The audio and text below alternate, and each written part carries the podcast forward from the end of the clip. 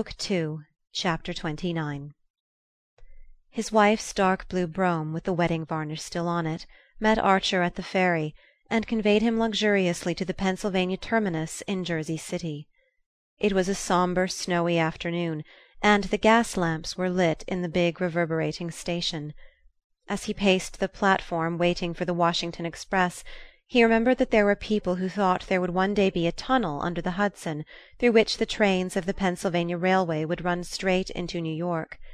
They were of the brotherhood of visionaries who likewise predicted the building of ships that would cross the Atlantic in five days, the invention of a flying machine, lighting by electricity, telephonic communication without wires, and other Arabian Night marvels. "I don't care which of their visions comes true," Archer mused as long as the tunnel isn't built yet. In his senseless schoolboy happiness he pictured Madame Olenska's descent from the train, his discovery of her a long way off, among the throngs of meaningless faces, her clinging to his arm as he guided her to the carriage, their slow approach to the wharf among slipping horses, laden carts, vociferating teamsters, and then the startling quiet of the ferry boat, where they would sit side by side under the snow, in the motionless carriage, while the earth seemed to glide away under them, rolling to the other side of the sun. It was incredible the number of things he had to say to her, and in what eloquent order they were forming themselves on his lips. The clanging and groaning of the train came nearer, and it staggered slowly into the station like a prey laden monster into its lair. Archer pushed forward, elbowing through the crowd, and staring blindly into window after window of the high hung carriages. And then suddenly he saw Madame Olenska's pale and surprised face close at hand, and had again the mortified sensation of having forgotten what she looked like. They reached each other, their hands met, and he drew her arm through his. "This way. I have the carriage," he said. After that it all happened as he had dreamed. He helped her into the brougham with her bags, and had afterward the vague recollection of having properly reassured her about her grandmother and given her a summary of the Beaufort situation. He was struck by the softness of her poor Regina.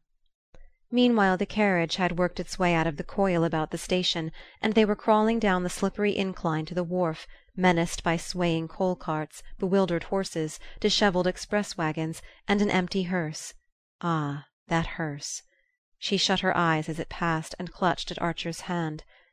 "If only it doesn't mean poor granny!" "Oh, no, no; she's much better. She's all right, really. There, we've passed it," he exclaimed, as if that made all the difference. Her hand remained in his, and as the carriage lurched across the gang plank on to the ferry he bent over, unbuttoned her tight brown glove, and kissed her palm as if he had kissed a relic. She disengaged herself with a faint smile, and he said: "You didn't expect me to day?" "Oh, no."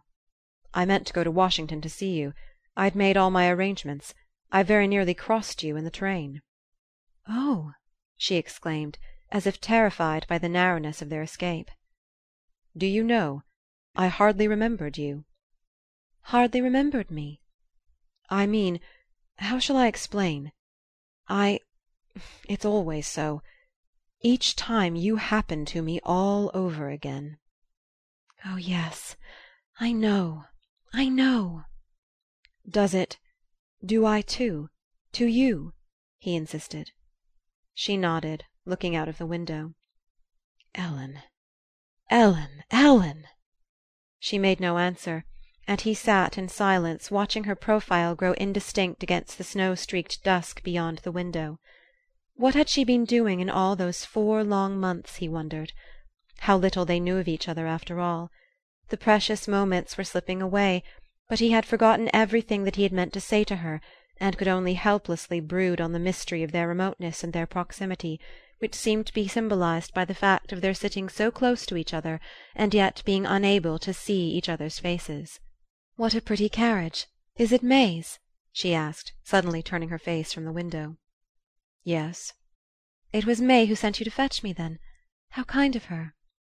He made no answer for a moment; then he said explosively: "Your husband's secretary came to see me the day after we met in Boston." In his brief letter to her he had made no allusion to Monsieur Riviere's visit, and his intention had been to bury the incident in his bosom; but her reminder that they were in his wife's carriage provoked him to an impulse of retaliation. He would see if she liked his reference to Riviere any better than he liked hers to May. As on certain other occasions when he had expected to shake her out of her usual composure, she betrayed no sign of surprise; and at once he concluded: "He writes to her, then?" "Monsieur Riviere went to see you?" "Yes. Didn't you know?" "No," she answered simply. "And you're not surprised?" She hesitated. "Why should I be? He told me in Boston that he knew you that he'd met you in England, I think." "Ellen, I must ask you one thing." "Yes." "I wanted to ask it after I saw him, but I couldn't put it in a letter. It was Riviere who helped you get away when you left your husband?" His heart was beating suffocatingly. Would she meet this question with the same composure? "Yes. I owe him a great debt," she answered, without the least tremor in her quiet voice.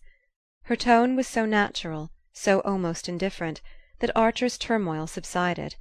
Once more she had managed, by her sheer simplicity, to make him feel stupidly conventional just when he thought he was flinging convention to the winds. "I think you're the most honest woman I ever met!" he exclaimed. "Oh, no; but probably one of the least fussy," she answered, a smile in her voice. "Call it what you like. You look at things as they are." "Ah, I've had to.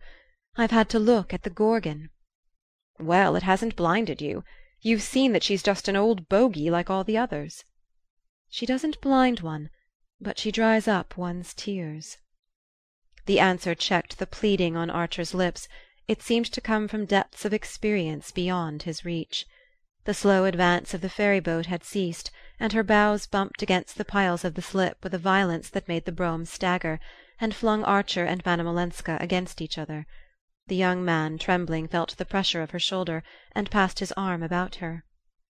"If you're not blind, then, you must see that this can't last." "What can't?" "Our being together and not together." "No. You ought not to have come to day," she said in an altered voice; and suddenly she turned, flung her arms about him, and pressed her lips to his. At the same moment the carriage began to move, and a gas lamp at the head of the slip flashed its light into the window. She drew away, and they sat silent and motionless while the brougham struggled through the congestion of carriages about the ferry landing. As they gained the street Archer began to speak hurriedly. "Don't be afraid of me. You needn't squeeze yourself back into your corner like that. A stolen kiss isn't what I want. Look, I'm not even trying to touch the sleeve of your jacket. Don't suppose that I don't understand your reasons for not wanting to let this feeling between us dwindle into an ordinary hole and corner love affair. I couldn't have spoken like this yesterday, because when we've been apart, and I'm looking forward to seeing you, every thought is burnt up in a great flame.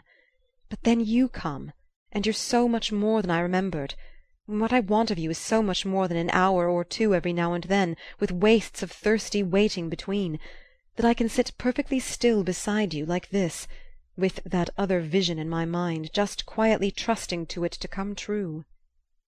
For a moment she made no reply; then she asked, hardly above a whisper: "What do you mean by trusting it to come true?" "Why, you know it will, don't you?" "Your vision of you and me together?" She burst into a sudden hard laugh. "You choose your place well to put it to me!" "Do you mean because we're in my wife's brougham? Shall we get out and walk, then? I don't suppose you mind a little snow."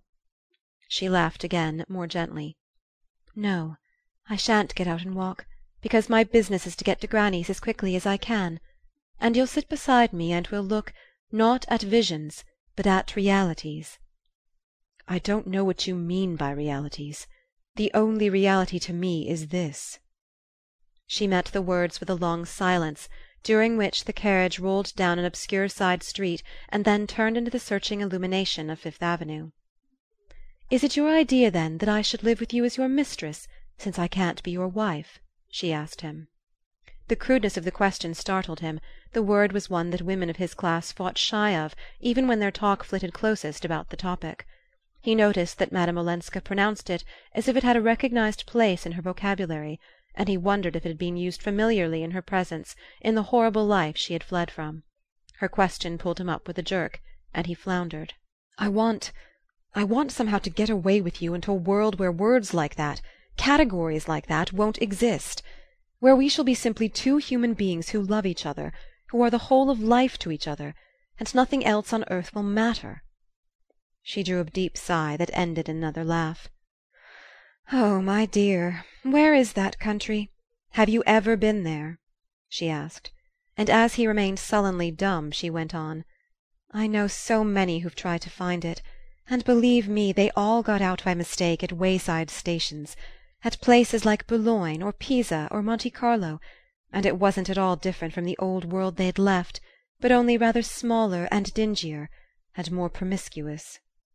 He had never heard her speak in such a tone, and he remembered the phrase she had used a little while before. "Yes, the Gorgon has dried your tears," he said. "Well, she opened my eyes too. It's a delusion to say that she blinds people. What she does is just the contrary. She fastens their eyelids open so that they're never again in the blessed darkness.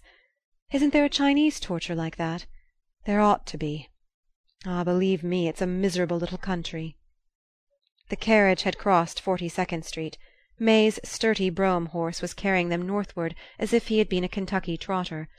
Archer choked with the sense of wasted minutes and vain words. "Then what exactly is your plan for us?" he asked. "For us? But there's no us in that sense. We're near each other only if we stay far from each other. Then we can be ourselves. Otherwise we're only Newland Archer, the husband of Ellen Olenska's cousin and Ellen Olenska, the cousin of Newland Archer's wife, trying to be happy behind the backs of the people who trust them." "Ah, I'm beyond that," he groaned. "No, you're not. You've never been beyond. And I have," she said in a strange voice. "And I know what it looks like there." He sat silent, dazed with inarticulate pain. Then he groped in the darkness of the carriage for the little bell that signalled orders to the coachman. He remembered that May rang twice when she wished to stop. He pressed the bell, and the carriage drew up beside the curbstone. "Why are we stopping? This is not granny's!" Madame Olenska exclaimed. "No, I shall get out here," he stammered, opening the door and jumping to the pavement. By the light of a street lamp he saw her startled face, and the instinctive motion she made to detain him. He closed the door and leaned for a moment in the window. "You're right. I ought not to have come to day," he said lowering his voice so that the coachman would not hear. She bent forward and seemed about to speak, but he had already called out the order to drive on, and the carriage rolled away while he stood on the corner. The snow was over, and a tingling wind had sprung up that lashed his face as he stood gazing. Suddenly he felt something stiff and cold on his lashes, and perceived that he had been crying, and that the wind had frozen his tears. He thrust his hands in his pockets, and walked at a sharp pace down Fifth Avenue to his own house.